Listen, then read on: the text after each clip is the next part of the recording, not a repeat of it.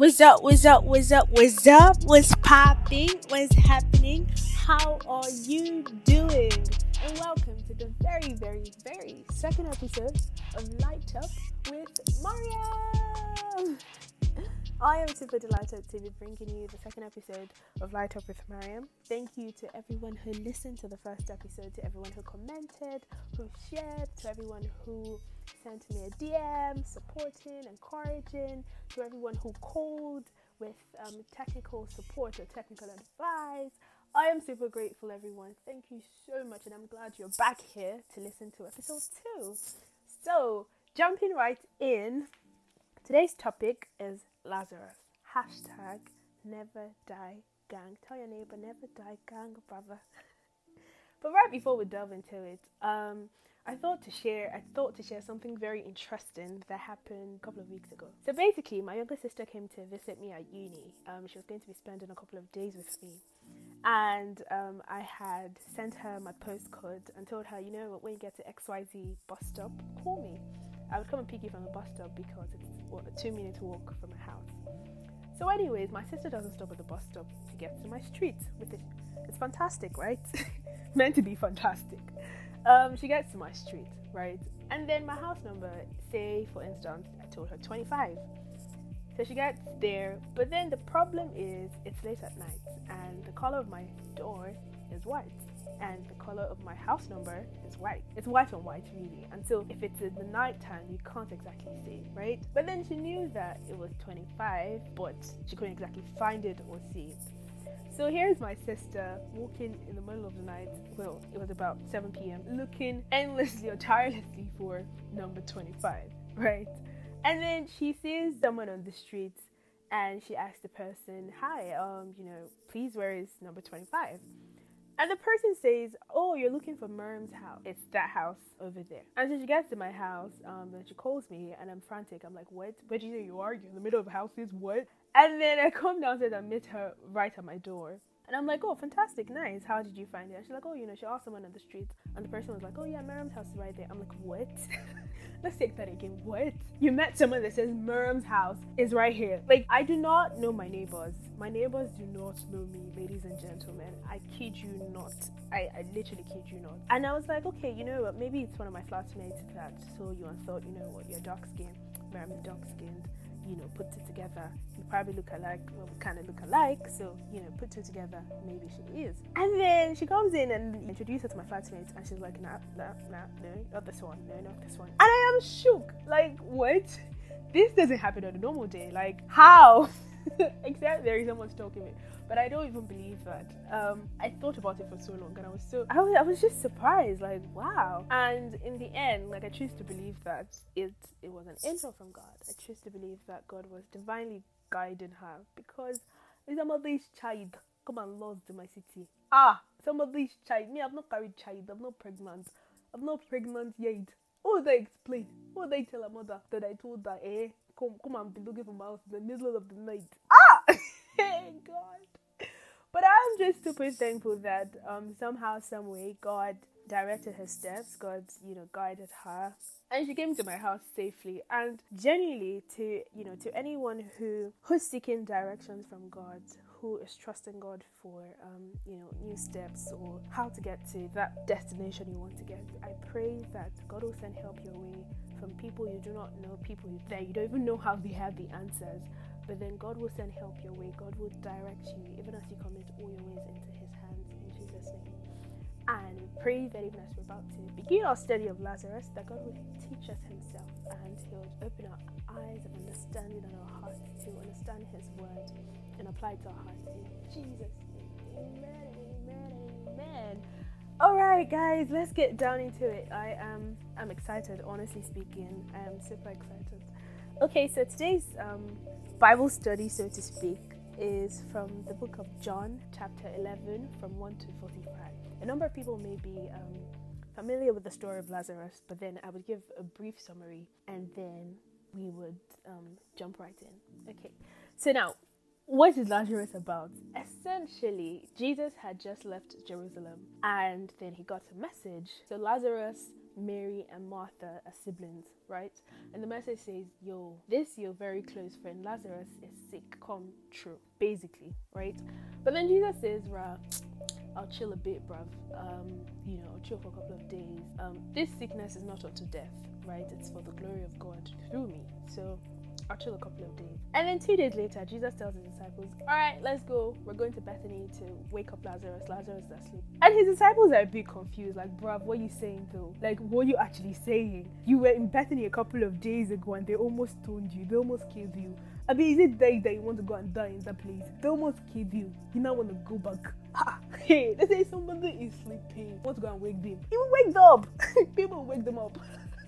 they were quite confused like why would you go all the way to just wake someone up right? But then jesus had to tell them see okay let me just tell you right? I don't mean sleeping like literally sleeping. I mean sleeping like dead and we're going to wake him up. And while that doesn't really still add up his disciples followed him still right? And they got to they got to Bethany. And remember, Mary and Martha are his sisters, so they're mourning. People are mourning in his house. News had gotten that Lazarus had been dead for four days, right? So they hear that um, Jesus is in town. Martha wants to meet Jesus, who is um, still at the entrance or out, outskirts. And then she says, "Lord, but if you had been here, my brother would not have died. Like you would have made sure he wouldn't have died. But Jesus says, Your brother would rise again, Martha. And she's like, I know he would rise again in the resurrection, you know, eventually. And Jesus says, See, Martha, I am the resurrection and life. Anyone who believes in me will live even after dying. And everyone who lives in me and believes in me will never ever die. And he says, Do you believe this, Martha? And Martha says, See, I believe you're the Messiah. Like, I believe you're God. I believe this but my brother is dead. And then Mary comes out to meet him alongside a number of mourners. And she says the same thing. You know, she says, Lord, if you had been here, my brother would not have died right? And then Jesus just saw how much they didn't believe, or you know, even the people around him believed that he could actually raise Lazarus even in his dead state. And that was the point where the Bible says Jesus wept. And then um, Jesus asked, "Okay, where is Lazarus? Let's go. You know, where where have you put him? Let's go." And so they took him to the tomb. They had laid Lazarus, and then Jesus said, "Roll the stone aside." Soundtrack. And then Martha says, um, Jesus has been dead for four days. Like his body is smelling. It's just going to stink. But Jesus says, Didn't I tell you that you would see God's glory if you believe? So they rolled the stone aside. And then Jesus said, Father, thank you for hearing me. You always hear me. But I said it out loud for the sake of all the people standing here today so that they would believe you sent me. Then Jesus shouted, Lazarus, come out. And the dead man came out with his hands and feet bowed in grave clothes, his face wrapped in headcloth. Jesus told them, Unwrap him and let him go. Some version says, Lose him and let him go. Wow, that's like Hollywood, guys. But Hollywood, Nollywood, Bollywood, all of it. It's like a whole drama on its own. But then essentially, the story of Lazarus is a foreshadow, it's a symbolism of the new life we receive in Christ from his death to being raised in life to the grave clothes being taken off. And now, see, the aim of today's podcast is to draw a parallel between Lazarus and ourselves as man, well, Lazarus and ourselves as Christians. How does the story relate to me? How does the story relate to my faith? How does it show that Jesus had raised me from death or from a tomb, right? And to achieve this, we would draw five main lessons from Lazarus' story. Yeah? So follow me, hang on, don't go anywhere. Yeah? You ready? Number one. Our very first lesson today is that man is Lazarus, and the tomb with which Lazarus came out of is our sins. So it's a symbolism. Man is Lazarus in the sense that the nature of man is inherently sinful, and Romans 5:12 says, "When Adam sinned, sin entered the world. So Adam brought sin, and he brought death right? Which spread to everybody. So the fact that we are all descendants of Adam, inherently we're all born into a sinful nature. And I'll say the Bible says that the wages of sin is death, right? And so only get a wage or your salary at the end of your work, right? You only get yeah, you only get that at the end of your work, right? And so if our nature is sin and when we live sinfully, at the end it is death right? So the wage is death. The same way your wage at the end of your work is death. So the wage is death. And that is why Lazarus ended up in the grave, because that is where dead people stay, right? So Lazarus is our sinful nature. Lazarus is dead because the spirit of death, right? That that resides in him is the spirit of sin, which leads to death, right? And see, without Christ, we are dead. Same way I was living in my sin of anger and pride, right? And every other thing that followed, because that was the sinful nature. That's the flesh nature, right? That nature that was dead to the things of God, to peace, to joy, to um, the goodness of God, right? So see how Lazarus reflects our nature, right? Now, this leads us to our second lesson from Lazarus. It says, Lazarus was raised to life, right? So that's the second bit. Jesus said, Lazarus, come out. Now, the point here being that there is a call from death life. There is always, always, always a call. The Bible says, see, Christ died for us while we were yet sinners. So his death on the cross was the call to salvation. His death on the cross was a sacrifice. His death was saying, Brav, I actually really love you. And this is me trying to prove that I love you and sacrificing myself on the cross so that you can be reconciled back to God, right? So you could come out of your sinful nature. See, there was the call where Jesus said, Lazarus, come out, right? That that like drum roll sound effect bit, come out. Jesus says the same thing to us every time. Jesus calls us out, right? Matthew 11 28 says, Come all who labor and you're heavy laden, I would give you rest. See, it's like it's like a call. It's like come out of your tomb. Come out. Same way he spoke to Jairus' daughter in Luke 8, he said, Get up. Same way Jesus is calling you, saying, Get up from that grave, get up from that sin, get up from that tomb. Like, stand up. And see, he says, This is your call. Like, if you know that, see, you've been without Christ, if you know that you're yet to experience this power of God that you know everyone talks about, or you're yet to experience His love, you're yet to experience His peace that people or Christians rave about. This is the call Christ is calling you today. See, He's saying, "Come." Revelations 22 17, it says, The Spirit and the bride, they say, Come, let anyone who has ears hear this. Come, let him who thirsts come. Anyone who desires to drink freely from the water of life, come. And see, this is Christ's call to you every single day. This is Christ's call to you. He's saying, Come, come out of that tomb. Right? Christ is yelling your name out with love, with everything in him, saying, Come out. I want to give you a new life right? I know the tomb is cold. I know the tomb is silent. I know the tomb is dark. I know the tomb is empty. I know the tomb, you know, is, is filled with dark past or filled with things you used to do or things you do or things you want to leave. And Christ is saying, Come. And this is a call to anyone who's listening and you just you want to experience God in a different way. You know, you're or you're yet to experience God at all. God is saying, See, come.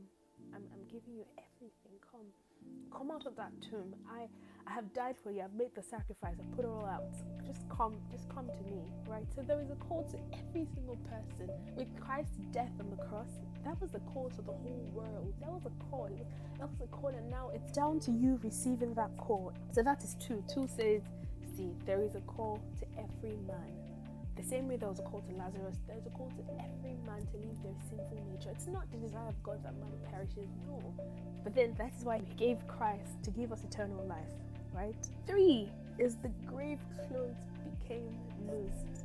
The grave clothes. See, when he when Lazarus came out, Jesus said, "Lose him, lose him of the grave clothes." And that's interesting because I would say, as Lazarus had grave clothes, likewise, man has grave habits Likewise, we have old habits, habits that need we need to be loosed out of, or that needs to be loosed off us, right? Um, Romans 13 12 says, The night is almost gone, the day will soon be here. So remove your dark deeds like dirty clothes and put on the shining armor of the right light, right? And so essentially, the grave clothes are our old deeds, our dirty deeds right? And see, it's even more interesting because they're like old habits, things you're used to in the grave. This grave clothes was on Lazarus because he was dead and he was in the grave. And this grave clothes are habits, habits that habits take time to grow. And they take time to go.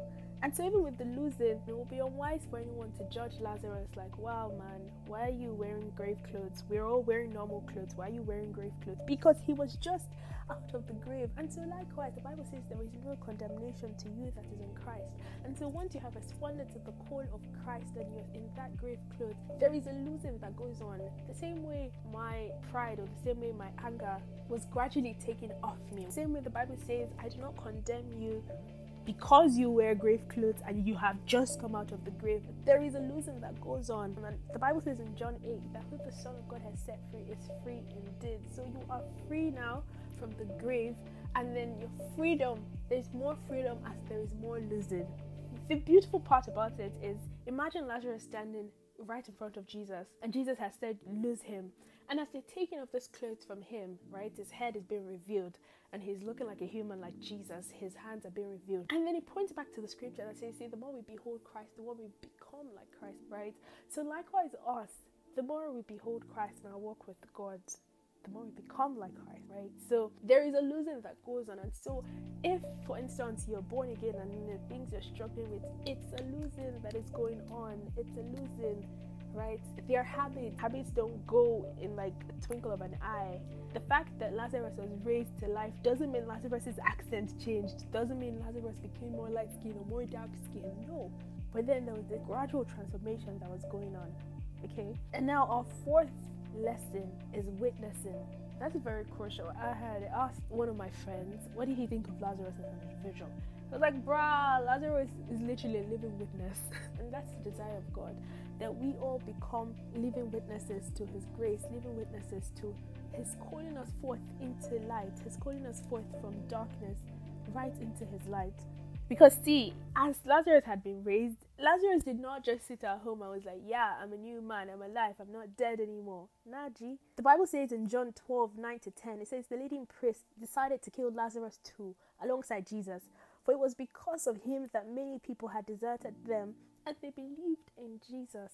And so that then like begs the question, the many of us that are saved, how many people are believing in Christ because we're sharing our testimony? How many people are telling the testimony of Christ? Right? So Lazarus literally became a living witness. And that's exactly how our life should be. Our life should be before and after every single time. Like like the blind man in John chapter 9 how um, they asked him, they were asking him about Jesus, and he said, See, bruv, I don't even know. But what I know is that I was blind before, but now I can see. And that's meant to be our story. I was in the grave before, but bro, now I'm alive. And that should be that should be our actual testimonies every time, right? So this leads to the fifth one. But right before we go into the fifth one, we're going to go on our music break. And this is such a beautiful song. It it literally emphasizes everything we've talked about so far. It's it's called Glorious Day by Passion. Have a blast. I'll be back in a bit. I was buried beneath my shame. Who could carry that kind of weight? It was my turn till I made. I was breathing but not alive. All my failures I tried to hide. It was my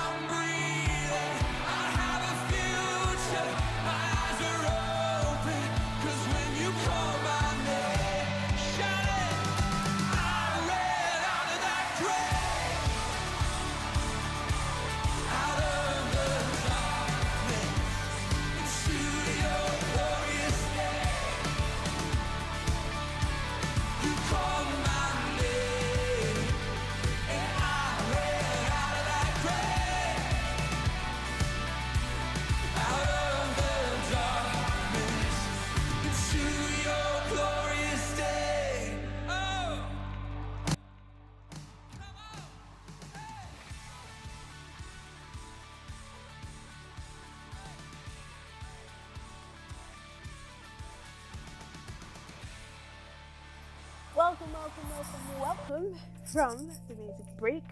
Let me just tell you that every time that song comes on, I am running helter skelter. I'm not even kidding you. The other day, I was listening to the song um, with my headphones and I was doing dishes and I had flatmates around.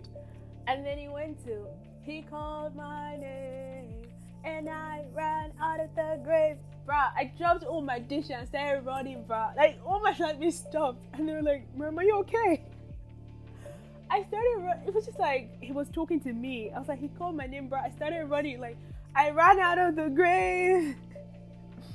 Honestly, um, so so far so good. We've talked about you know the four lessons from Lazarus' story. First one being that we're all Lazarus, man as Lazarus, and sin as the tomb or the grave, right? Secondly, how there is a call to everyone. Like there was a call to Lazarus.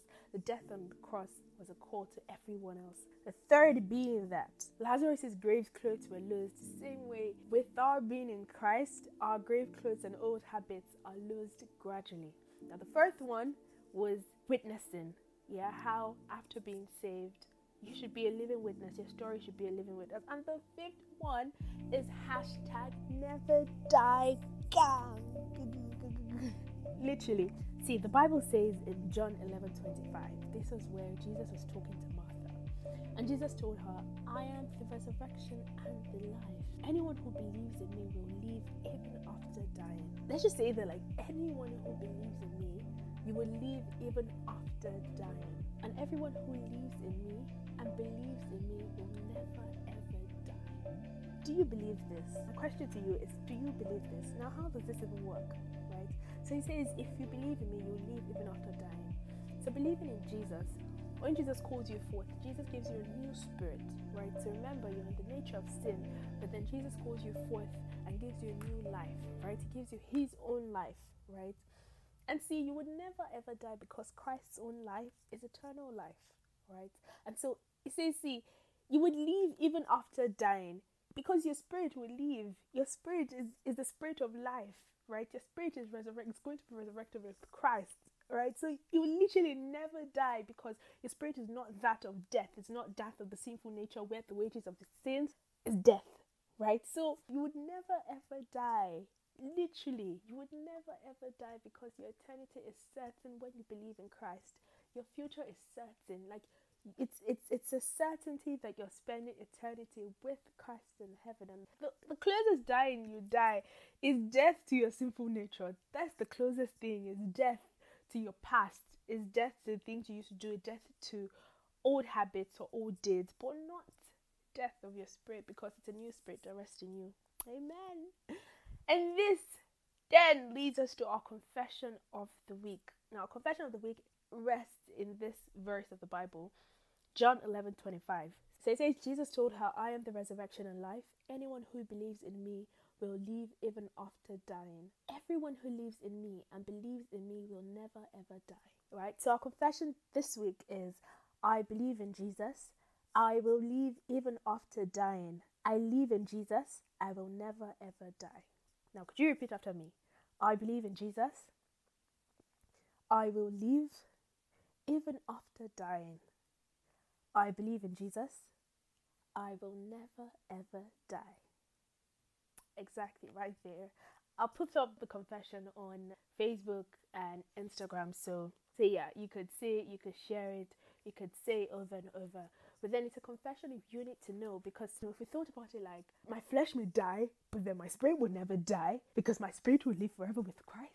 If we thought about it that way, we wouldn't be as frightened, you know, wouldn't be as frightened or as as afraid or scared of death because there is a confirmation that see I would never ever die. Right? Now the activity of this week is to be living testimonies like Lazarus, right? So it's this week or the next two weeks, so to speak, you'll tell someone of your salvation story. Tell someone you're literally going to be a living witness. Tell someone of how you were in the tomb, but now you heard Jesus' call, you came out of the tomb. Yeah? Or if you are not able to share your own salvation story, tell someone the story of Lazarus. Um, see, because in the end, God is not a secret to be kept.